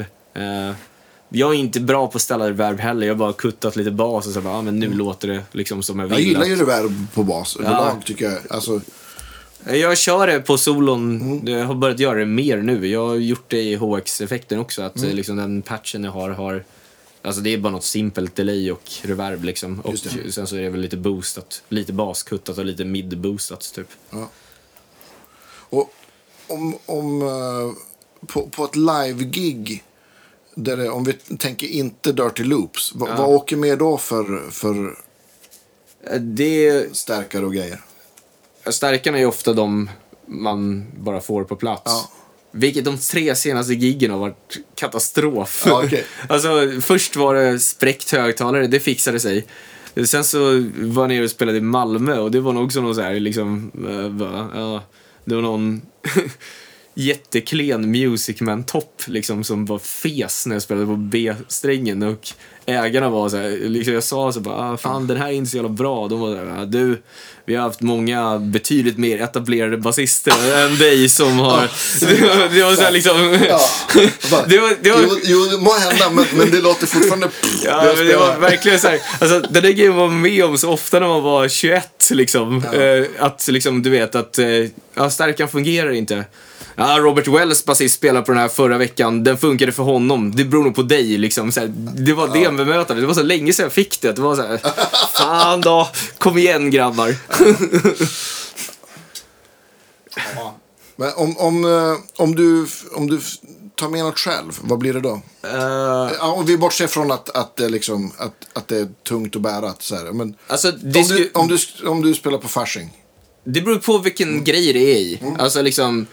Eh, men det blir ju så här, på Fasching har de ju någon Aguilar-topp. Jag tycker om låt, alltså liksom Aguilar 410 låter skitbra tycker jag. Alltså liksom, de är så här, jättebra hybridstärkare för de kan både låta slickt och vintage beroende visst. lite på hur man ställer dem. Så att, eh, jag vet inte, så om, om det är Aguilar i backlinen brukar jag vara glad Ja, liksom. För visst är det så att det är, EBS blir liksom lite modernare sound Ja, absolut. Aguilar. Eh, så att om det är ett fusion-gig så är EBS amazing liksom. Men, men jag tänker på, finns det någonting som låter ännu mer alltså, eh, liksom modernt? Eller är, är liksom EBS ute på den kanten? För någonstans? slap-grejerna, är, det är framförallt de ProLine 410-lådorna. Ja. Alltså liksom, jag tycker typ att det är den bästa stärkan som finns, eller bästa högtalaren som finns för Mm. den grejen. Och likadant, topparna har något så här, de har ju något så här, det låter EBS om det liksom. Och eh, de låter bara grymt för den där grejen liksom. Men sen så, jag har ju spelat EBS-topparna liksom, så här, de funkar till annat också. Jag har ju spelat på dem med Loreen liksom och sådär mycket. Men, och där är det ju typ att jag har spelat passiv fy, fyra liksom med sjukt mycket pedaler. Och eh, där har jag använt kompressor på den förresten. Just det. Eh, men... Eh, så det har ju funkat till det också. Men liksom, de sitter ju... Liksom så här, ställer man stärkare rakt så är det väldigt mycket att liksom, effektkedjan och hur basen låter liksom spelar ganska stor roll i det. Men sen så är det vissa stärkare som bara låter skit eller som färgar allting för mycket. Men det viktigaste är nästan alltid bara att de liksom har kraft att liksom Just det. när de börjar så här, naturdista så är det inte så kul om man inte vill ha det. Liksom, utan det är kul med stärkare som kan göra det om man vill ha det, men när man bara har möjligheten att spela med Jag någon tänker sån... en, en klass D som börjar klippa är väl kanske inte lika kul som en sån där. Man- En sån där har ju kraft att göra vad man vill med. Ja, men visst. Medan en, En SVT, ja. ja, medans en 100 watts rör Music Man Ja, inte kom- har det när man Nej. ska spela typ någonting som är starkt liksom. Men har du något pedalbord som, som, som du sliter med så här? Ja, jag har ju ett som är ungefär samma. Jag byter ut lite på Ja. dem. Men det är, det är den Tim Lefebvre-grejen sitter på den. Sen är Ja. HX-stompen brukar vara med på den. Eh, Vintage Overdriven är med på den. Sen för ofta någon vräkare dist på den också. Som till exempel... Senast körde den där plasmapedalen. Oj. Ja, då- Men ja, det- det är elakt. den, är, den är elak, men det är mest för att den är så här rolig. Men den är nästan okontrollerbar. Men jag ville ha den bara för att det såg kul ut när man tryckte på den. Liksom. Ja, det gör det ju. Eh, och eh, eh, vad är det mer? Jag brukar ha, jag hade någon sån här Mothership 2, för att, fast den har suttit på sen jag spelade med min storebrorsa också för att det var någon låt som man ville ha en sån Doom-bas på liksom. Den låter Vem gör den? Det vet inte jag vad Eh, det är något. Pigtronics, den är, Okej. lå- det är så här, låter bara jävligt mycket liksom. Att man lägger en ton och så fyller det upp Ja. allting. Sen så har jag eh, en Protone envelope-filter från Threeleaf Audio också. Det är ett jättebra envelope-filter. Eh, så- Och för er som inte vet vad det är så är jag antar jag att det, det är auto va? Ja, fast jag kör den ofta med neråt-filtret Aha. istället. Så att, eh, alltså det är väl det som så här, lite av boots i soundet. Just det. eh, Som är liksom att det är istället för... Jag kan inte härma det här. Jag, Ja, men jag förstår, det, men det alltså, låter, så här- låter men- precis inte kvack. Nej, inte kvack utan Alltså det blir alltså ju hårdare du slår desto ju, Jo. ja, det är att den, den faller neråt istället för att den går sticker uppåt. iväg. Ja. Men eh, kvackgrejen kör jag väl ibland också. Men det låter ju ankigt liksom. Auto antibabba. Nej. Jag får prova helt enkelt. Ja. Ja. ja, men alltså liksom den nergrejen också med oktaver. Är, det, är, det är en fin kombo liksom. Men jag gillar i HX-stompen, den har ett så här, den har någon Arion-kopia. Alltså det är Arion, det är Michael Landau-koruset visst. som heter, den heter Plastic Chorus eller något Ja, sånt. När visst. man sätter den i vibratorläge. Den låter bra på bas tycker jag. Alltså den låter Ja, det kan jag tänka mig. stort liksom. Det, det, även den, vad heter den, den som heter, heter den Trinity eller Try någonting? Det skulle vara så här Try-chorus. Ja. Den är också jätte, jättebra ja. tycker jag. Nice. Ja. Te- Testa den också. Ja, ja men det ska jag göra. Jag har aldrig fått de här tricorsen att fungera på bas. Jag tror inte jag Ah, vet hur man... Jag tror att det bara är för att jag inte har någon aning om hur man ställer dem. Men jag, jag tänker, det borde ju, alltså, och i, i, i lurar så blir det totalfest. I och med att du har liksom, du har ett korus i mitten så du har Ja. ett korus i varje öra. Det Så där är ju liksom- typ att de här är alltid mono liksom, så att den här... Ja, just det, så att, precis. eh, I den, ja, precis. Den här låter ju som någon sånt liksom... Arion Chorus är väl någon sån här misslyckad Leslie-kopia som lät skitcoolt. Liksom. Ja, men exakt. Vi- bara seglade iväg. Jag kom på att jag hade ju fler X-Effects-frågor. Ja, okej. Ja. De, de patcher som du har, har du, någon, har du utgått från någon stärk eller använder du den mer som en... Nej, bara preamp? effekter. Jag använder inga starkare simuleringar alls i den. Nej. Eh, jag vet inte hur man ställer dem och... eh, Det låter bra. Ja. Men, men, då men då, det är EQ och kompressor då misstänker jag på liksom. Det är ingen kompressor heller. Nej, okej. Men Eh, e EQ då? Eller Ja, det är EQ mest och sen så efter det så, alltså det finns jag har ju någon så här typ liksom så här, jag har ju gjort en kopia av Alan Holdsworths grejen för han gjorde ju åtta, han hade ju den där uh, Magic-stompen eller UD-stomp Ja, som men gör precis. båda grejerna men att du splittar signalen i åtta så att du har åtta parallella Sen delayer. multitap-delay Ja. liksom. Ja. Eh, men det är lite annorlunda än en multitap-delay ändå. Ah, Just okej. eftersom eh, de är, du pannar fyra åt ett håll och fyra åt ett annat håll. Ah. Och sen så har de liksom, de har jättestark attack och sen så sköter man det med en volympedal så det blir som en pad nästan liksom och Ah, alla är moddade också. Men det är just att alla, alla delayerna har en separat kedja liksom. I ett multitap-delay går de väl mer att de feedar in i Det, varandra. det gör de exakt. Det har du helt Så rätt de här lig- ligger liksom så här separata de här delayerna och det låter på ett speciellt sätt. Men Alan Holdsworth gjorde väl sina chorus på det sättet också. Fast det var liksom mindre effekt på att det var Hans chorus var åtta moddade delayer istället. Ja, alltså har man ett, ett delay kan man ju ställa liksom... Ställer man det, ställer man ner alltså tiden. Så, Ja. så kan man ju göra det. Då blir det ju Men det jag egentligen gjorde var i den där UD-stompen, när jag laddade ner manualen, Mm. så kopierade jag hans settings och la in dem där. Fast jag la in det så att jag gjorde det med 16 delayer istället för att den har större kraft den här. Så att det Ja, blev ännu fläskigare liksom. Shit, vilka världar jag har missat. Men alltså, har man sådär, har man sådär, då man lyssnar på alla så tänker man det blir ju, så där många delayer blir ju, det blir mer som ett levande reverb än, ett, Ja. än, än en delay-effekt. Det låter ju som en liksom. pad liksom. Ja. Eller som en syntpad nästan liksom. Och, eh, jag har gjort det på några så intron och sen så typ på slutackord och sådär. Liksom att man har lagt något ackord och sen så efter det så kan man smyga in det där jättereverbet Ja. och lägga något, eller jättepaden och lägga någon grej på den. Sen har jag väl så liksom, den har en bra harmonizer också så jag har lagt in, alltså då går ju ställa i jättekonstiga skalor så att jag har gjort några sådana så här voice-grejer. Men det är så här, jag har snackat med både Axefx och Line 6 att jag, eh, det jag fattar att de inte gör det här som jag vill att de ska göra för att ingen kommer köpa det men Michael Brecker hade ju någon sån så här rotations eh, eh, harmonizer som var att man ställde liksom så här, att den triggade på input-tonen och sen så, lå- liksom så, här, så kunde man liksom så här, göra en cykel av ackord. Liksom att ja, den första har en kvint upp och en sekund ner, nästa har en kvart upp och en ters ner. Alltså liksom, så att om man spelade en, en ton så vart det liksom det du go bad. Alltså liksom Ja, att eh, harmonizern ändrades. Som en sequencer. Ja, det är Alltså, som en sequencer. Men det går ju att programmera det i en sequencer på de andra, men då måste man spela det liksom enligt rytmen i sequencern. Men jag vill att de ska göra den grejen, för som triggar på input Men vad använder istället. Brecker för något då?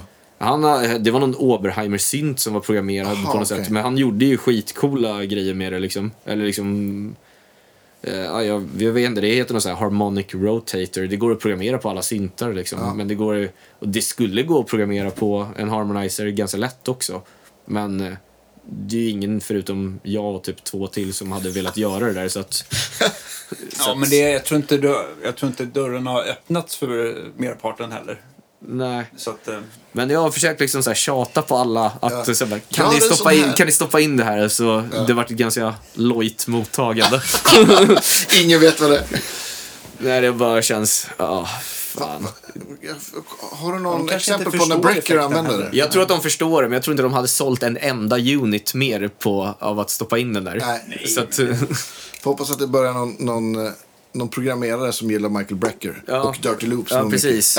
Men om någon som lyssnar på det här vill bygga en sån pedal så ja, skriv Ja. till mig på. DM. Jag är supertaggad i så fall. bra. Vad händer framöver då? Ni håller på med ny platta och det ska turneras. Ska det spelas något eh, i Sverige? Ja, jo det kommer vi definitivt göra. Det var ju, eh, hur många år? Ja, det är åtta år sedan vi spelade i Stockholm sist. Shit! Nej, sju år sedan. 2014 var senast. Jag vet inte varför det har blivit så. Det är bara... Så vi kommer nog, vi kommer nog göra någon så här, liksom Norden-turné också. Ja, liksom. Så planen är väl att försöka spela så mycket vi kan. Men det, är så här, fan, det känns lite läskigt fortfarande. Fan, om vi ska göra någon sån USA-sväng. Vad fan händer om någon får corona första veckan liksom? Ja. Vad händer ekonomiskt i så fall? Det Jag vet. Ja, det, jag vet, eh, ja men... eh, jag träffade Kulle och de ska dit med Opeth. Och jag tror att de, det var så här... De, de får typ inte göra så här meet and greets och grejer. Och får inte träffa folk. Nej, det men var liksom så det ganska hårda restriktioner från deras bokningsbolag på... Jag tror inte heller att det kommer... Alltså I så fall får man ställa upp med så här, att folk får stå en meter framför och ta någon bild när vi står i bakgrunden. Eller något sånt där. Alltså liksom, man får lösa det på något sånt sätt. Jag vet inte. Meet and greet-grejen är så skum för att det är en så standard på amerikanska grejer att folk kan betala extra för att Ja, kunna visst. säga hej till en på soundcheck. Och I Sverige känns den grejen som att liksom, man skulle bara vara sniken om man skulle sälja någon sån grej. Medan där förväntar sig folk att man ska ha den Ja men grejen. precis. Det- Det är som en, en, en service som folk vill kunna köpa. Liksom. Ja, Att det känns som en exklusiv grej. Ja, det, De är ju liksom så alltid jävligt dyra de där biljetterna också. Mm. Alltså liksom för meet and greet. De kostar liksom nästan mer, eller de kostar mer än vad biljetten Ja, kostar liksom. Och det känns liksom så här, fan inte som att folk får vara liksom speciellt mycket vad de betalar för. Mer än. Alltså det är ju typ, Nej. de får säga hej liksom för att man skakar hand för att massa ja, pengar men, liksom. Ja, precis. Jag förstår att det finns pengar att tjäna där, men Ja. den grejen kanske man får skippa då med om Ja. man inte vill bli...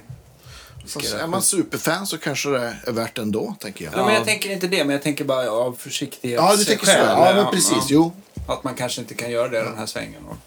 Men det är, det är också det i USA, så, alltså liksom, biljetter kostar inte så mycket till gig där. Liksom. Folk blir sura om de måste betala mer än 20 dollar känns det som. Mm, jo, det är väldigt mycket lägre än här. Det är Så att sant. det, alla de där servicegrejerna är liksom så här en del av det där. Att liksom folk köper mer merch och folk eh, vill betala för de där grejerna. Och eh, Vad är det dyrast biljettpriser någonstans? Japan, Okej. eller ja, jag skulle säga Ja. Vad Japan är, är vad är ju... ett standardpris där för? Det Det är väl säga. så här mellan 801 och 2 liksom. Typ så här, att, eh, så här, och likadant med merchen kostar ju så här, sälja typ en tröja för f- 400 spänn liksom. Ja, shit alltså. Och eh, alltså liksom för att venuerna tar så stor procent så man måste upp i, Ah. i de priserna liksom. Att, eh, men där är folk liksom, det är som med vad som helst. Om det går på typ, skulle gå och kolla på en Anchor-spelning hade det kostat liksom 300 spänn att gå in också Just i det. Japan.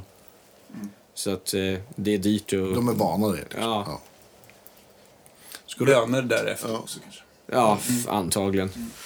har du några andra projekt som du är inblandad i? Sådär, som, Eh, just nu är det inte så jättemycket annat än Dirty Loops. Ja. Innan har det varit att man har hoppat runt lite, men just nu så är det typ att eh, vi har väl sagt det allihop att vi, om vi ska få klart någonting så måste vi prior- prioritera det här. Ja, liksom. Det känns ganska kul också. Ja, att det är så här, det är, liksom, alla verkar taggade liksom. Och, Mm. eh, Så ja, det kommer vara mycket Dirty Loops den närmsta tiden.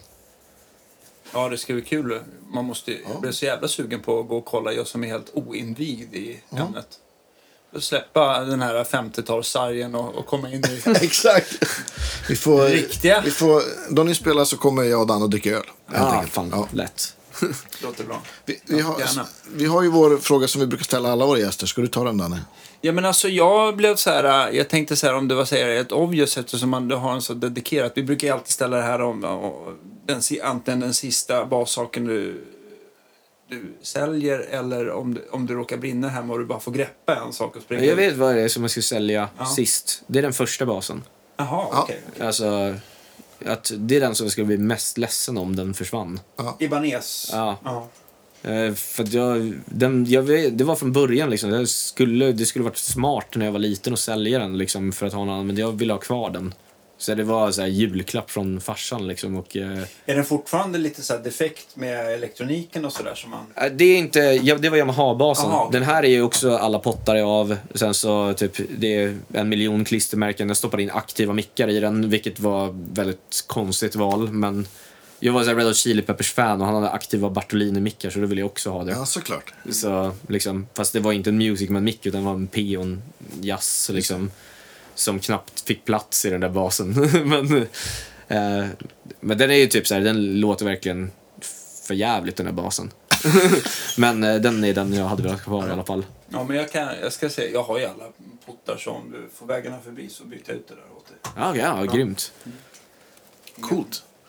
Eh, Stort tack för idag och stort Ja. tack till alla våra patreons. ja, vilket och, eh, roligt avsnitt. Ja, jättekul avsnitt. Skitkul att ha det här. Ja, skitkul att vara här. då. Ja. Ja, Vi har säkert anledning att återkomma. Ja, grymt. eller hur? Ja, det har vi. Och eh, vi hörs igen. Och så det var alldeles för länge sedan vi pratade bas tycker jag. Ja, absolut. Ja, vad bra. Tack för idag. Ha det Ja, bra. ses nästa vecka. Vi Hej. hörs nästa vecka. Ja!